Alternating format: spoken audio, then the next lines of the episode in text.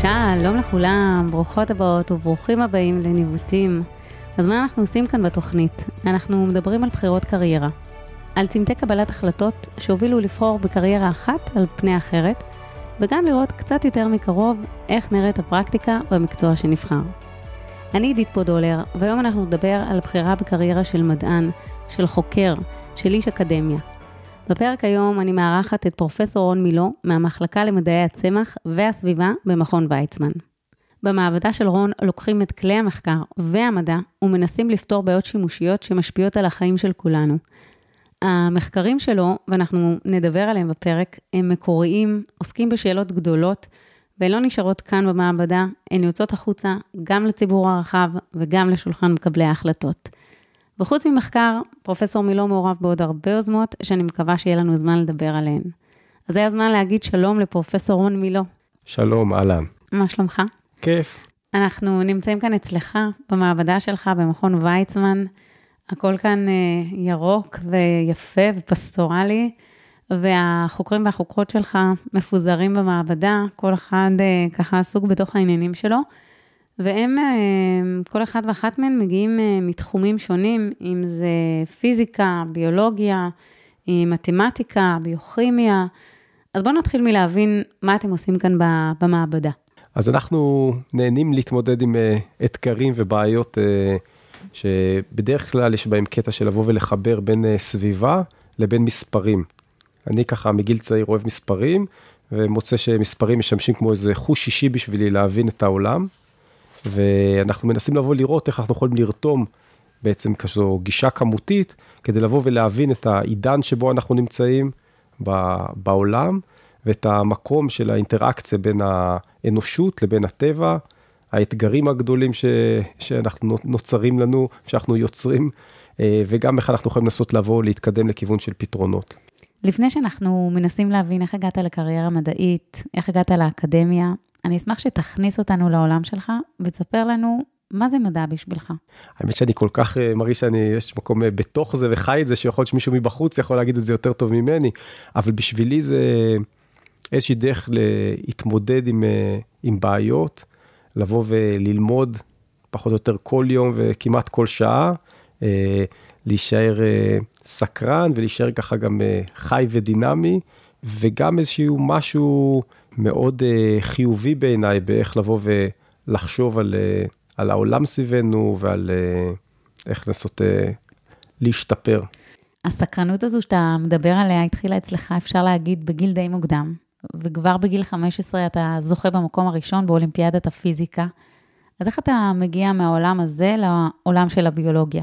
אז האמת שהמעבר, נגיד, מלהתעניין יותר בפיזיקה לביולוגיה, זה דבר שקורה להרבה אנשים, אה, להרבה מדענים, אה, וזה לא כזה מסובך, כי האמת שהפיזיקה נותנת בסיס מאוד מאוד עמוק ומשמעותי, גם בחשיבה באמת, נגיד, אה, כמותית, ובכלים של מתמטיקה, אבל גם ביסודות של, של איך שה... הטבע פועל וגם איך שהחיים פועלים. אז מבחינה זו, הרבה, הרבה דברים הם בעצם תוצר של הפיזיקה, ולבוא ולעבור לביולוגיה זה משהו שהוא קצת כמו לבוא ולשבת ולקרוא, אני זוכר שיצא לי לבוא ולקבל איזשהו ספר שממנו התחלתי ללמוד ביולוגיה. איזה ספר? קצת, אז נקרא uh, Biology of the Cell. וזה בעצם התחלתי לבוא ולראות, זה נקרא Essential Cell Biology, התחלתי לקרוא את זה, וזה היה כמו איזה קצת סיפור מתח כזה, זה איזשהו ספר, אתה מתחיל לקרוא אותו, ואתה רואה, זה, זה הכל קצת של סיפורים, איך בעצם, איך בעצם דברים, דברים עובדים, איך הגוף שלנו עובד, איך תאים עובדים, איך חומרים משתנים לחומרים אחרים בעזרת בחיים. ו, ומצאתי זה היה ממש כמו לקרוא פשוט סיפור מרתק. המון תמונות נורא נורא יפות ומרגשות, וזה פשוט היה ככה מעבר די אה, פשוט לבוא ובעצם זה לקרוא הרבה, ללמוד הרבה, אבל משהו שככה עם, עם הבסיס והרקע הנכון זה קורה בכיף. אז ביולוגיה יותר מעניין. ביולוגיה מאוד מאוד מעניין, אני גם יש לי אהבה מאוד גדולה לפיזיקה במקור, אבל אני זוכר אפילו שכשהייתי באמת בתואר ראשון בפיזיקה, באמת לא היה לי שום מושג בביולוגיה ולא חשבתי שלשם אני הולך בשום צורה. אני זוכר שאיזשהו חבר שלי, דני גליק, הגיע ככה במעונות ובא וסיפר על איזושהי כתבה שהוא קרא, שמדברת על איך... איך אתה בא ולא, איך בעצם כל הבפנים והבחוץ, מה מוגדר בפנים ובחוץ בתוך דברים חיים, בתוך תאים, זה הכל כתוצאה מזה שנוצרת איזה ממברנה, איזה שכבה כזו דקה, כמו הקירות של בניינים, אבל מאוד מאוד דקה, שבעצם כל הדבר הזה קורה מזה שפשוט זורקים איזשהו חומר, איזשהו סוג דבר שנקרא ליפידים, איזשהם מולקולות, והן כבר לבד מסדרות את הכל בעצם בונות את, ה, את המבנים האלה בצורה ספונטנית ומגדירות את הבפנים ואת הבחוץ, ועכשיו בתוך זה מתחילים להיות כל מיני שערים כאלה, כמו דלתות לבית של מה נכנס, מה יוצא. הוא נתן לי לקרוא את זה, זה היה כתבה בעיתון שנקרא Scientific American, קראתי זה, פשוט עף לי הראש, כאילו, בתור מי שהגיע כאילו מזה שכן התעסק בפיזיקה, עם כל, הכל עם ככה עם אה, יותר גישות אה, של משוואות, ופתאום אתה רואה את, ה, את היופי הזה עם כמה ציורים, וזה אמרתי, וואו, זה מדהים. טוב, עכשיו אנחנו מבינים איפה הפשן לביולוגיה. איפה הניצנים התחילו להופיע? אתה זוכר איפה התחילה אצלך ההתעניינות במדע בכלל? אז אני חושב שחלק מזה קשור אה, כנראה לאבא שלי, שאני זוכר שמתי, הוא היה איש צבא קבע, והיה בדרך כלל אה, די עסוק, אבל אני זוכר שעוד שהייתי ככה, בסוף הגן, לפני להתחיל כניסה לבית ספר, אני זוכר שככה, מתי שהוא בא ולקח אותי, היינו, אנחנו גרים, ב, גרנו באיזשהו בית פרטי בכפר סבא, יצאנו למחסן, היה לו שם איזשהו לוח כזה מחיק קטן, שזה לא לוח מחיק של, של היום, אלא אלה שממש אה, עם גירים, ומוחקים עם, אה, לא יודע, עם מה שמחקו אז את, ה, את הגירים, וממש התחיל להראות לי ככה כל מיני דברים של לחבר, לחסר, כל מיני דברים עם מספרים, אה, בעצם להתחיל את החשיבה יותר המתמטית, ואני זוכר שזה הדליק אותי, זה היה כאילו, היה לי מעניין. ועם אבא שלי, ובאמת ככה משהו שמאוד מאוד חיבר אותי, ונראה לי שמאז ככה אהבה שלך למספרים? נוצרה לי איזושהי אהבה. ואחרי זה אני זוכר שהעניין של לבוא ולהבין, אפילו למה השמיים כחולים, או מה קורה כשאני נמצא בחוף הים, או כל מיני שאלות כאלה על, ה, על הטבע שמסביבי, זה היה דבר שסקרן אותי. הלכתי לאיזה חוג נוער שוחר מדע, וממש התלהבתי מכל מיני, רשמו את מהירות האור, ואת ה, ואיזה כוכבים יש וכן הלאה, וזה הדליק אותי מאוד. בצבא אתה מתגייס לתוכנית תלפיות, שזו תוכנית מצוינות בתחומים ביטחוניים, טכנולוגיים. מסלול הכשרה נדמה לי הכי ארוך בצה"ל, משהו כמו 40 חודשים, שירות של 9 שנים. ואחרי מה שאתה מספר כאן, זה באמת נשמע מסלול שמאוד טבעי לך. אבל לפני הצבא, שקלת גם ללכת לכיוונים אחרים, מסלולים אחרים? אז קודם כל אני זוכר שבאותו זמן גם היה גיבושים לסיירות וכל מיני דברים אחרים, אז כן התלבטתי, כלומר, השתתפתי בכל המיונים וכל מיני דברים כאלה. אה, אבל אני חושב שהזרע לגבי תלפיות נדמה לי שעוד ככה היה, אני זוכר שבאיזה חוג נוער שוחר מדע, ואז אני זוכר שמישהו בא וסיפר שהוא היה מפקד בתוכנית הזו, אה, ו- וסיפר מה זה התוכנית, ואני זוכר שזה הדליק אותי עוד אז, כלומר, ככה משהו מהזרע הזה גם כן אה, הופיע בשלב מאוד מוקדם של ה... ששמעתי על זה, אבל לא הייתי סגור על זה אז, אבל אחר כך כששמעתי על זה יותר, אז בתוך המיונים וכן הלאה, כשהיה נראה לי שזה, שזה בשבילי. ובהחלט היה חשוב לי גם לתרום מעצמי, ומבחינה הזאת העניין שזה מסלול ארוך, באמת של התחייבות לתשע שנים, אני זוכר שאז לא הטריד אותי יותר מדי, כלומר הייתי מודע לזה, אבל זה לא הטריד אותי יותר מדי, במובן הזה שבשביל הדבר הנכון, שגם אני מרגיש שאני מחובר אליו, וגם שהוא שימושי ל, ל, למדינה, אז זה היה נראה לי מצוין ו, ושווה את זה. היית גם מפקד בתוך uh, תלפיות באיזושהי uh, תקופה? כן, אז אני חזרתי אה, אחרי, ה, אחרי המסלול הכשרה, שירתתי בחיל אוויר, עבדתי... Uh, הייתי שם במשך כמה שנים, ולאחר מכן חזרתי להיות המפקד של מחזור בתוכנית, ולאחר מכן המדריך הראשי. וכחלק מהמסלול, תוך כדי המסלול, אתה עושה תואר ראשון במתמטיקה ופיזיקה. אתה כבר מתחיל לחשוב שם אה, מה תעשה כשתהיה גדול? אמ, חושב, כן, אני אגיד שאז אני זוכר שבמהלך התואר הראשון, וגם לאחר מכן, אני לא חשבתי שאני, לא, לא היה ברור לי בכלל שאני ממשיך לאקדמיה. אני זוכר איזה, מתי כן סוג של נפל האסימון, מתישהו הייתי ב... באיזושהי שבת שהייתי קצין תורן, ואני זוכר שבא לבקר אותי החבר הכי טוב שלי מהתואר הראשון, שהיינו ביחד אה, בחדר, במעונות, דניאל רמות. ו... אה, הוא המייסד של ויה, נדמה לי. הוא גם המייסד של ויה. אוקיי. אז אני זוכר את עצמנו יושבים ככה באיזושהי שבת, הוא בא לבקר אותי, ו... אז מדברים בדיוק על, אה, יודעת, מה רוצים לבוא ולעשות הלאה, ואז הוא בא ואומר לי, הייתה לו ראייה טובה כנראה, כבר אז הוא קלט אה, לאן דברים הולכים. אה, הוא בא ואמר, שמע, אתה מתאים לך ללכת לאקדמיה. אמרתי לו, למה, מה אתה אומר, למה? אז הוא אומר, שמע, אתה נורא אוהב ללמוד. והוא באמת הכיר אותי מאוד מאוד לעומק מתואר שם, ואמר, באקדמיה אתה יכול תמיד להמשיך ללמוד. והאמת שנפל לי האסימון שאני מאוד מתחבר לזה באמת, כאילו, שבאמת הקטע הזה של האתגרים האינטלקטואליים וכל הזמן ללמוד מחדש, זה באמת מה שעושה לי את זה, תחומים חדשים, אתגרים חדשים, והאמת שעד היום אני מרגיש שבאיזשהו מקום, כמובן שהעבודה שלי בתור מדען במכון ויצמן, היא קודם כל מתרכזת במחקר, כלומר לבוא לגלות דברים חדשים, אבל בינינו, מה שנראה לי הרבה פעמים יותר עושה לי את זה אפילו, זה פשוט ללמוד דברים חדשים. כלומר, ללמוד, וגם אם כבר אנשים גילו את זה כן. קודם וחקרו את זה קודם, לא קריטי לי, זה לא שזה חייב לבוא ממני, כן. או מהמעבדה שלי, בעיקר פשוט שזה יהיה מעניין ושזה יהיה חדש, ושאפשר יהיה לבוא וליהנות כן, מזה זה ככה. זה נראה לי אחלה אה, מודל, שגם אה, להתפרנס וגם ליהנות על הדרך מלמידה חדשה ומיצירה, פטנט טוב. כן, דניאל רמות הוא אה, ייסד את אה, ויה, בעצם שעושה אופטומיזציה למסלולים של תחבורה ציבורית. נכון. אז הוא באמת רואה אה, קדימה, וכל הכבוד, כן? לא שאני חושבת שמישהו היה צריך להגיד לך לאן תלך, אבל זה נחמד שמישהו מבחוץ רואה את הפוטנציאל ואת הדרך הכי נכונה. אני יכול להגיד ממש אותנטית שאני זוכר שבאותה נקודה זה היה בשבילי איזשהו סוג של רבליישן קטן שהוא אומר לי את זה ככה, כלומר זה לא שזה ישב לי בראש בצורה סגורה וברורה, גם אם, אה, לא משנה, גם יכול להיות שיש מישהו אחר שאולי זה כן היה ברור לו יותר, לי זה לא היה. אתה את התואר השני שלך עושה בהנדסת חשמל באוניברסיטת תל אביב. זה גם תוך כדי הגיוס, תוך כדי שאתה בשירות אה, בצבא? כן, כן, אז זה היה משהו שהוא השתלב עם דברים ש... למה? כאילו, מה זה קשור עכשיו? בסיום המסלול של, של תלפיות, היה צריך לבוא לבחור איפה רוצים להיות במה שנקרא הצוות, ונותנים לך, יש כזה תיקים כאלה מאוד גדולים של, של אפשרויות. והאמת שהיה איזשהו מקום שאני הכי רציתי ללכת אליו, ובסוף אה, בחרו מישהו אחר.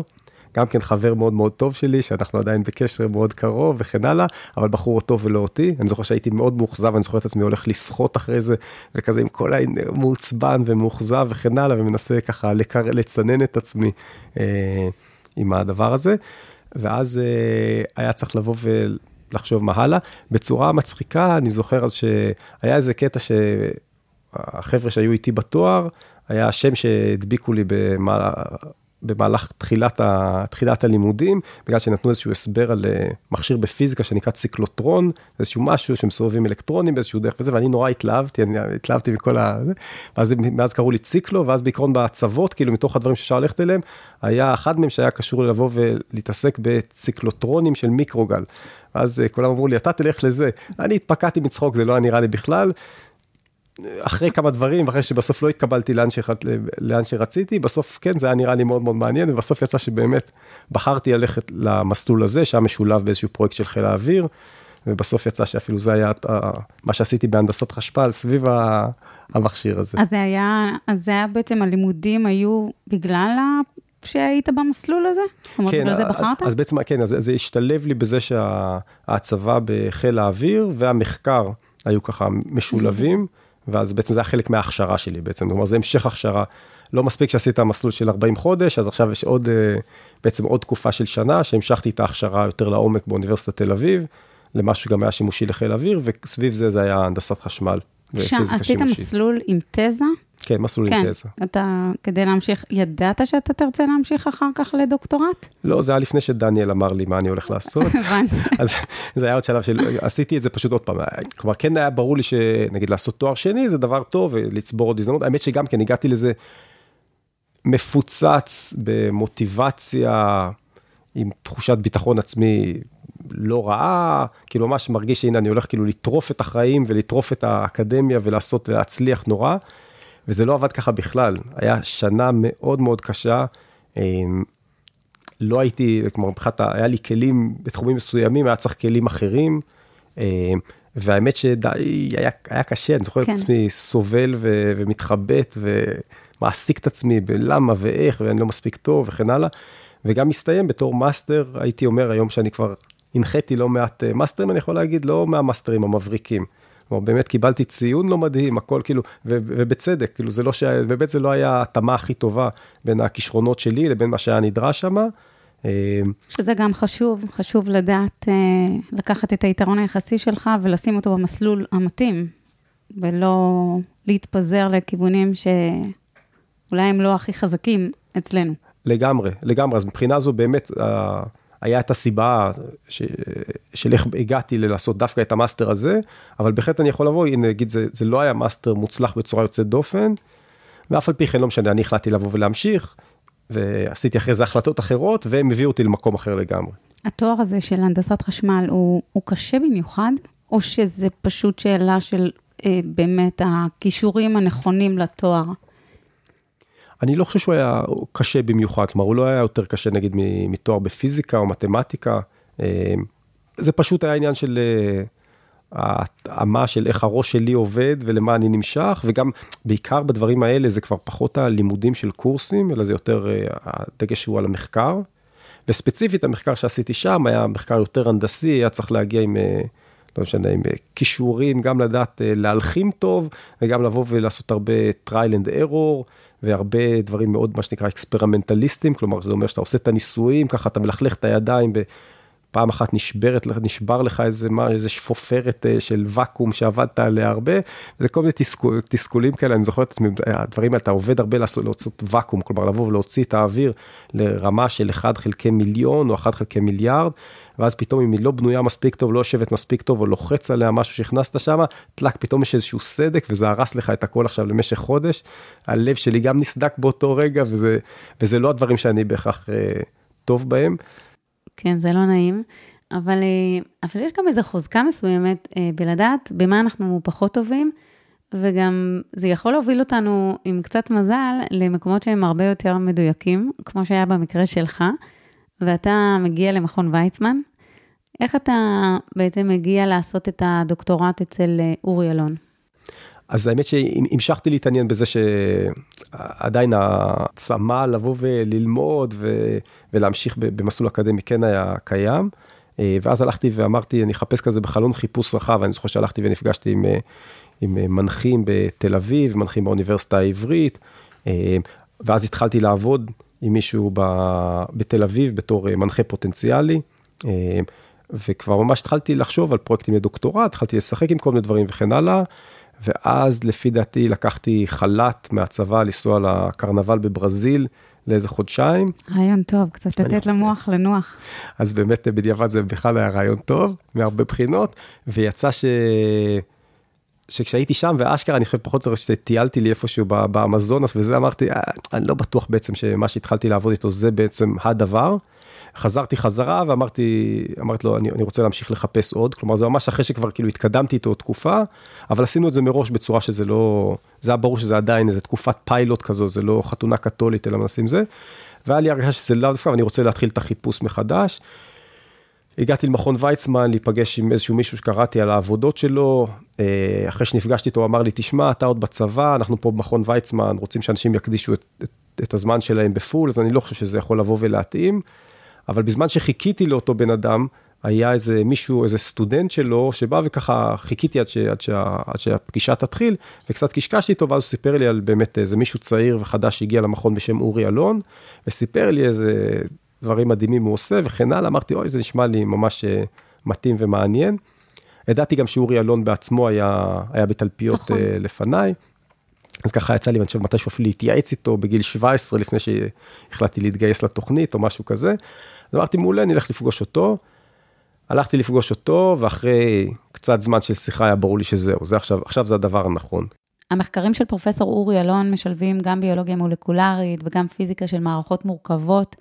כמה מזה השפיע עליך, עיצב אותך? אז זה במידה רבה מה שמשך אותי. אני חושב שזה בהחלט אה, עיצב הרבה דברים של איך שאני חושב, איך שאני עושה היום, אה, ככה צמחו מלהיות באינטראקציה קרובה. אני גם אגיד שבאמת אני חושב שאני רואים את זה הרבה פעמים אה, באקדמיה, לגבי אנשים ש, שעושים דוקטורט, אז זו תקופה משמעותית, התקופה הזאת, זה בדרך כלל 4-5 שנים ש, שעובדים מאוד קרוב בתוך איזושהי מעבדה, והרבה פעמים זה מעצב אותך בהמון המון דרכים, מעצב אותך מחדש, הרבה פעמים גם לפי, לפי המנחה שאיתו אתה עובד, או המנחה שאיתה אתה עובד. אז זה באמת, אני חושב שזה גם קרה כאן. יצא לי לשמוע פודקאסט של אה, פרופסור איתי עיניים מאוניברסיטת ניו יורק, שמדבר על יצירתיות במדע, והוא ראיין שם את פרופסור אורי אלון, ואחד הדברים שהם דיברו עליהם, זה היכולת לקחת ידע מדיסציפלינה אחת, וליישם אותו בהקשר אחר לגמרי, בתחום אחר. אתם עושים את זה גם כאן?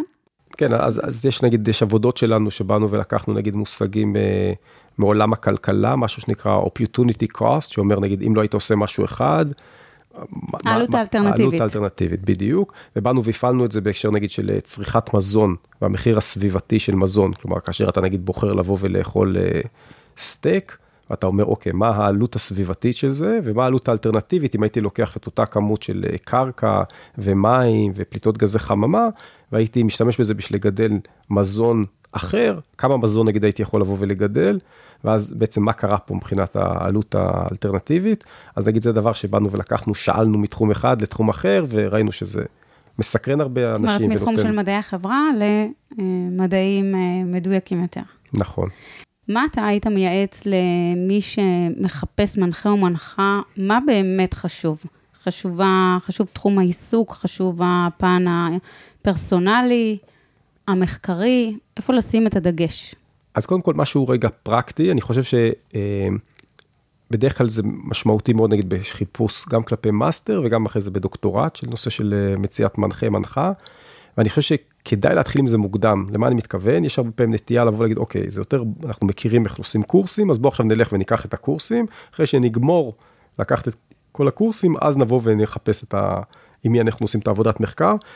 אני חושב דווקא שכדאי מההתחלה לבוא וגם לעסוק בזה, כלומר בזמן שכבר מתחילים לקחת את הקורסים ממש ראשונים, כבר להתחיל לעשות סוג של dating או פגישות, או לבוא ולהתחיל להתנסות במעבדות וכן הלאה, כי בעצם זה הרבה פעמים לב העניין, גם בתואר שני וגם בדוקטורט. אז כדאי להתחיל עם זה מוקדם, מה גם שהרבה פעמים לפי מי שאתה תבחר לבוא ולעבוד איתו, זה גם יכתיב אחרי זה איזה קורסים אתה רוצה לבוא ולעשות. הדבר הנוסף זה לבוא ולהגיד, אני חושב שמה שמאוד מאוד חשוב באמת זה איזושהי כימיה. לבוא ולראות, ואת זה קשה הרבה פעמים לבוא ולהבין מלקרוא רק את העמודי אינטרנט, את ה-Web pages של המעבדות, זה צריך, או מלקרוא מאמרים, זה, זה ממש לבוא ולהכיר ולראות כמה יש חיבור אה, אישי ודרך מחשבה שככה, שמסתנכרנים בה, ו, ואם יש את זה, אז באמת זה גם סימן מאוד מאוד טוב להמשך, כי מעבר, אם אתה בוחר רק לפי הדיסציפלינה, לפי התחום, בדרך כלל מה שאתה לא תעשה בדרך יהיה יהיה כל מיני אתגרים, בעיות, תהיו תקועים איפשהו. אם יש איזושהי כימיה ונטייה לעבודה משותפת, לא משנה מה, תוכלו להמשיך, אה, תרצו לבוא ולפצח את הבעיה ביחד. המעבדה שלך ידועה כמעבדה עם הרבה פרי ספיריט, לא סטריקטית, וגם אה, יצא לי לדבר עם החוקרים והחוקרות שלך במסדרון, עוד לפני שהתחלנו את ההקלטה, ושמעתי את זה גם מהם. איך אתה מייצר את ה-DNA הפתוח הזה, את האווירה הזו? לבוא ולייצר את אותה אקולוגיה פתוחה של רעיונות ושל אינטראקציות ושל כיוונים, זה בהחלט קורה פה, לפעמים זה גם קצת, אני לא תמיד יודע גם לשים את האצבע בדיוק מה ואיך בדיוק זה, זה קורה, אבל אני יודע, ש, אני יודע שזה טוב ואני יודע שאני רוצה להתכוונן לשם. וזה סוג של דרך חשיבה, דרך ניהול, לדעת שאולי זה גם בא מזה ש... כשאני מגלה שאני טועה, אני נורא שמח. אני חושב שרואים את זה, אז אנחנו כולנו פה בקטע של באמת של ללמוד, וגם של אה, זה בסדר לטעות, זה בסדר כאילו לשנות כיוונים, כמו שקרה לי בקריירה, וכמו שאני מרגיש שגם מה שצריך כדי לעשות התקדמויות משמעותיות, אז ככה גם אנשים בעצמם בתוך הקבוצה, יש להם את, ה, את החופש לזה. חשוב. הרבה, הרבה גם אורחים שמגיעים, וככה כל אחד מכניס למיקס אה, את, ה, את מה שלא יש לבוא וללמד, או ללמוד, או לשאול. איך אנחנו יכולים לחשוף ילדים כמה שיותר למדע, וגם לשפת המדע, למתמטיקה, שפה אוניברסלית? אז האמת שבמכון ויצמן אנחנו משקיעים בזה די הרבה, גם אה, דרך המחלקה להוראת המדעים, שאני גם הדיקן שלה, וגם דרך מכון דוידסון, שהוא הזרוע המדעית של מכון ויצמן, הזרוע המחלק... החינוכית. מה זו המחלקה להוראת מדעים? מחלקה להוראת המדעים זה בעצם מחלקה מדעית במכון ויצמן, כמו שאני מחלקה מדעי הצמח והסביבה, יש גם מחלקה להוראת המדעים, שבאים וחוקרים בעצם את התהליך של אה, למידה של מדעים, mm-hmm. כפי שקורית גם בבתי ספר וגם מחוץ לבתי ספר, ובעצם להפעיל את אותן שיטות של מדע, שבעזרתם אנחנו לומדים את האמת ומה אפקטיבי. ואיך לשנות דברים וכן הלאה, והאם הם מפעילים את זה בהקשר של הוראה, איך לפתח תוכניות לימודים יותר אפקטיביות. אה, אז זה בעצם, זה התחום שבו עוסקים, ומתוך העבודה גם שלהם, גם של דברים אחרים, זה מכון דוידסון, ואני מעורב גם בכל מיני דברים של משרד החינוך, מעורב באגודה לאקולוגיה וסביבה, שיש להם כל מיני פרויקטים סביב נושא של חינוך מדעי וסביב הנגשה של מדע. אז אני, דרך כל הכיוונים האלה מנסים לבוא ולחזק את מה שאת מדברת עליו. אני חושב שזה סופר חשוב בשביל, בשביל כולנו כדי להיות, אה, לתפקד בצורה טובה, ושהילדים שלנו יוכלו לבוא ולהבין ולתפקד טוב ב-2022 וב-2020 הבאים. כן. אתה חושב שאפשר לפתח אה, חשיבה כמותית בגיל מאוחר יותר? יש דברים גם שככה בגיל מוקדם אה, נצרבים לך ו... ומתחזקים אצלך, אבל אני חושב שאני יודע להגיד שבקורס שאני מלמד מחרתיים במכון ויצמן, וגם כן זה היה זמין, כל ההרצאות זמינות חינם באינטרנט וכן הלאה, אז באמת בונים את, ה, את היכולת לבוא להשתמש בחשיבה כמותית לאתגרים גם של ביולוגיה וגם של קיימות. והמתמטיקה שצריך שם, אני אומר את זה כבר בשיעור הראשון, וזה כולם חושבים, אני כן, אני באמת, כמו שאת אומרת, יותר טוב מתמטיקה, פחות, הכל שם זה דברים שכבר, זה הכל ידע מחטיבת הביניים. כלומר, אפילו לא צריך שום דבר מהתיכון או מדברים יותר מתקדמים, הכל זה עניין של אה, להכפיל ולחלק, ו, ו, ו, ו, אבל זה בעיקר עניין של החשיבה הלוגית וכן הלאה, אבל זה הכל מגיע מכלים מתמטיים יחסית פשוטים, אפשר להגיע איתם נורא רחוק. כן, אז לא חייבים את החשיבה המתמטית המאוד מאוד עמוקה. כן, לא צריך את הדברים המאוד אבסטרקטיים, כאילו, כן. ומאוד מאוד עמוקים, צריך פשוט לבוא ולהשתמש בצורה מאוד, אה, בגישה מאוד אפקטיבית, בדברים שאני חושב ש... כמעט כולם אה, כבר אה, יודעים לבוא ומכירים את המתמטיקה, עכשיו השאלה אם אתה יודע להשתמש בה בצורה הכי אפקטיבית. אז בתחום של ביולוגיה, איך בחשיבה לוגית אתם מחליטים על שאלות מחקר? אז, אז הרבה פעמים זה שילוב בין מה שמסקרן אותנו לבין מה שאנחנו ככה כבר ב, באינטראקציה מול אנשים אחרים, גם בתוך הקהילה, גם בחוץ, אנחנו רואים שגם מעניינים אנשים אחרים. אז, לדוגמה, אני זוכר שהיה איזשהו ספר שכתבתי על אה, Cell Biology by the Numbers, זאת אומרת, לבוא להבין בצורה... דרך מספרים, איך עובדים תאים. ו, ובחרנו כל מיני שאלות שנראו לנו מעניינות, אבל מתישהו אה, הייתה פנייה של אשתו של חבר שלי, אלה בן אליעזר, ידידה שלנו, שבאה ואמרה, תגיד, אני שמעתי שיש עניין שכל הגוף שלנו מתחלף כל שבע שנים, כל התאים בגוף מתחלפים כל שבע שנים. תגיד, זה נכון? מה קורה שם בדיוק? אז באתי והתחלתי, אמרתי את מה שאני ידעתי, האמת שלא ידעתי המון על זה, ו, והשאלה הזאת ככה הפתיעה אותי, התחלתי להתעמק בה, מצאתי גם איזשהו סטודנט שזה גם סקרן אותו, התחלנו לעבוד על זה, ובסוף יצא שזה, אנחנו, הפרקון שהוא הכי מעניין לקהילה, שיצא שהכי הרבה אנשים באינטרנט מורידים וקוראים אותו, מתוך רצון לענות על השאלה המאוד אה, קונקרטית, אותנטית שלה, ולא מתוך שאלות שהגענו אליהן מסקרנות שלנו אחרת. אז החיבור הזה למה שמעניין אנשים, אני מוצא שהוא מאוד מאוד מפרה ועוזר. וגם בכלל זה פתח, זה, זה, זה המשיך ופתח איזשהו תחום שלם של מחקר שלנו, שגם כן, יצא שגם כן... אה, איזה? כל הקטע של לבוא ולכמת את הגוף האנושי, ולהבין נגיד מה יש לנו יותר אה, מבחינת כמה תאים אנושיים לעומת כמה תאים של חיידקים, מה הקצב שינו, החלפה ו, ושינוי. במילים אחרות, אין לזה סוף. כל שאלה פותחת צוהר לעוד שאלות ולעוד מחקר. ובמעבדה שלך גם, יש לכם כל כך הרבה תחומים שאתם עוסקים בהם, אם זה ביולוגיה מולקולרית, אבולוציה, מטאבוליזם, ביולוגיה מערכתית, ביולוגיה חישובית. איך בכלל מחליטים במה להתמקד, מה לחקור? אז לנו יש שני דברים מרכזיים שאנחנו עכשיו אה, חוקרים אותם,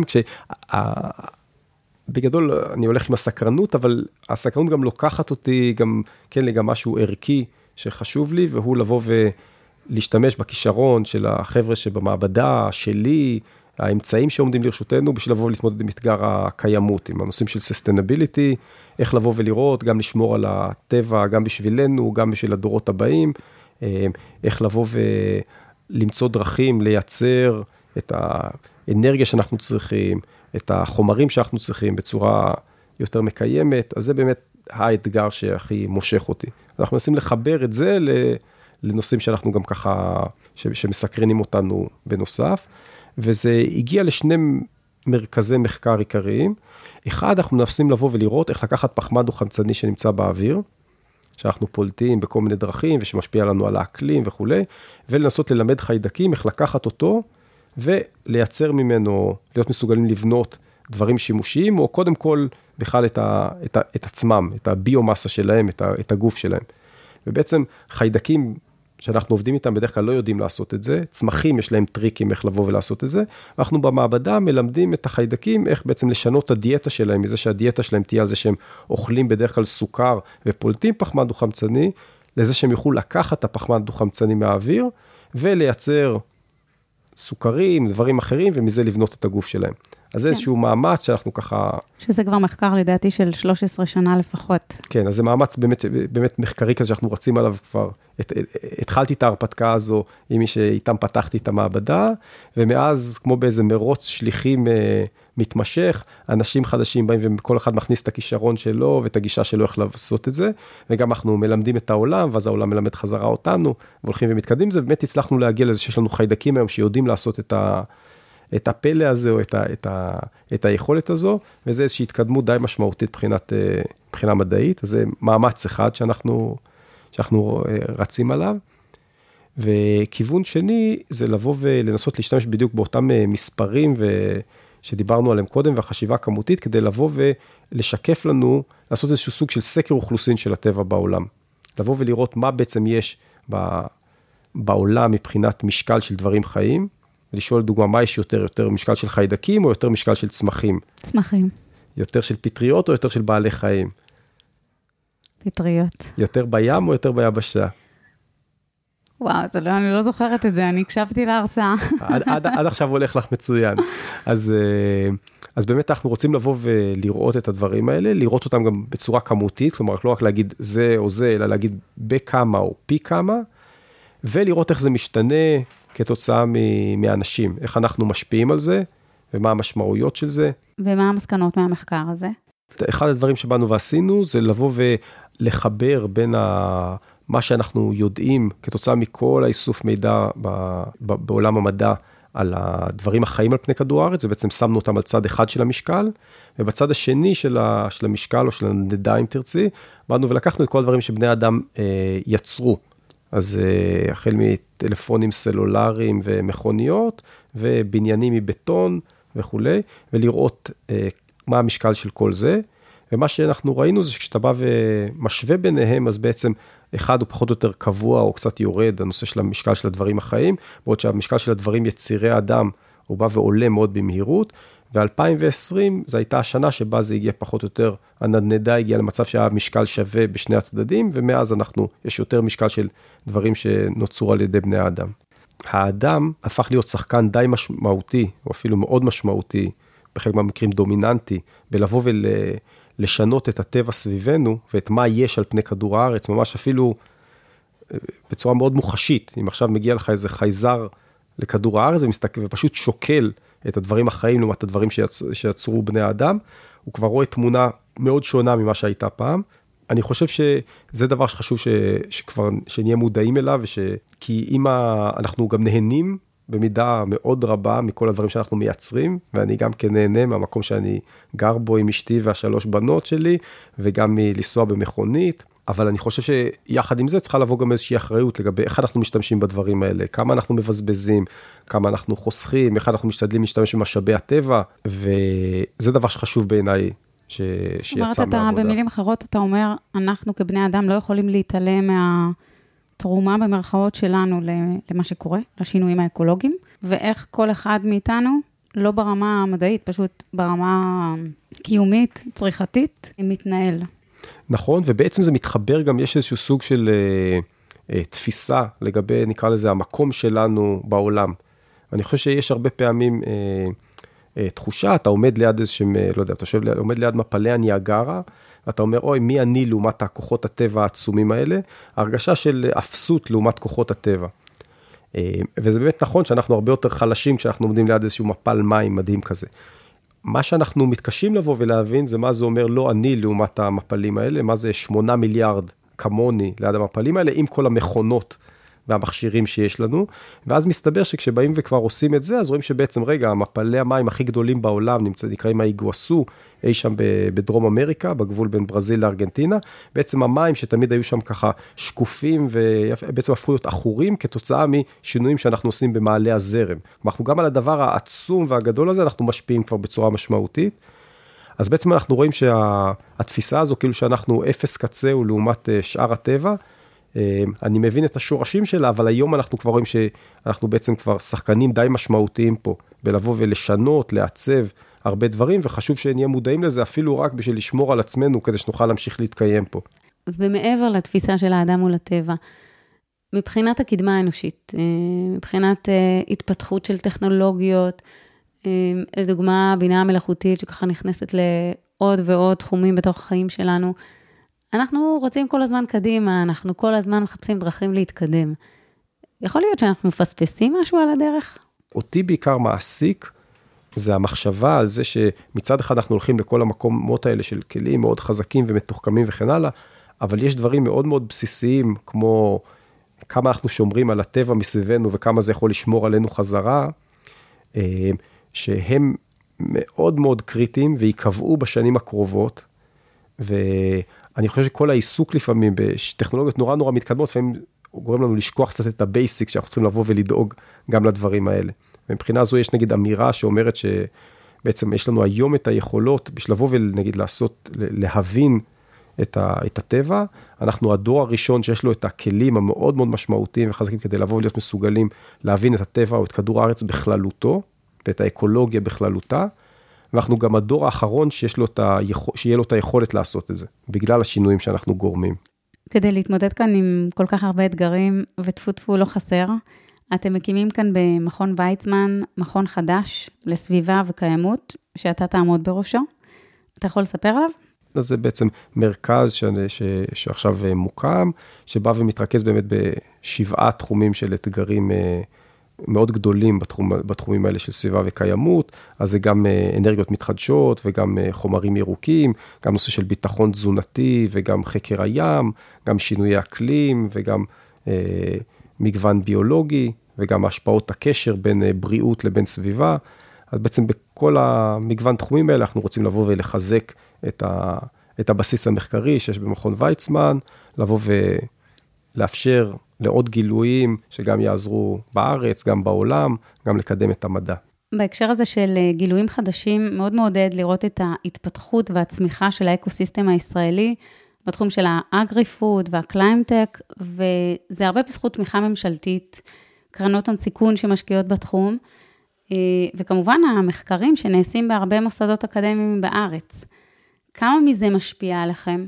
אז קודם כל אני אגיד שאני נורא שמח שיש את כל, ה, את כל ה ecosystem הזה, כי באמת העניין שאת גילויים מהאקדמיה יבואו ויעשו אימפקט בעולם האמיתי, זה הכל מתבסס, כלומר, דרוש בשביל זה שיהיה את כל הקשר הזה ואת כל היכולת לבוא ולתרגם ממקום אחד למקום שני, אז זה הכל נהדר, וזה שבישראל אה, משקיעים בזה, וככל שישקיעו בזה יותר, אז זה, זה מצוין.